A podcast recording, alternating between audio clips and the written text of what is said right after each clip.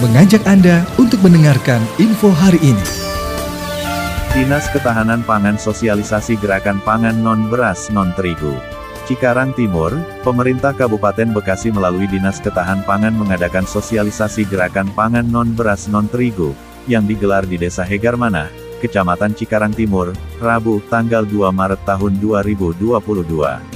Pit Kepala Dinas Ketahanan Pangan Kabupaten Bekasi Kuswaya mengatakan, acara ini untuk mensosialisasikan kegiatan gerakan pangan non-beras non-terigu, beragam gizi seimbang, kepada masyarakat khususnya siswa sekolah dasar serta para guru dan kepala sekolah. Sosialisasi ini sangat penting, bahwa pangan itu bukan hanya beras dan terigu bahan bakunya, tapi ada bahan lain seperti tepung talas, singkong dan jagung yang memang sampai sekarang ini kami perhatikan di pasar pun sudah jarang, kata Kuswaya.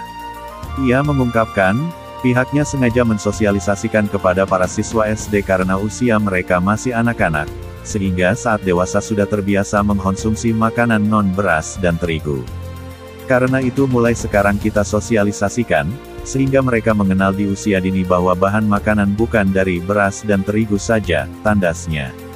Kuswaya mengakui, butuh waktu untuk mengubah perilaku masyarakat agar beralih ke bahan pangan non-beras dan non-terigu.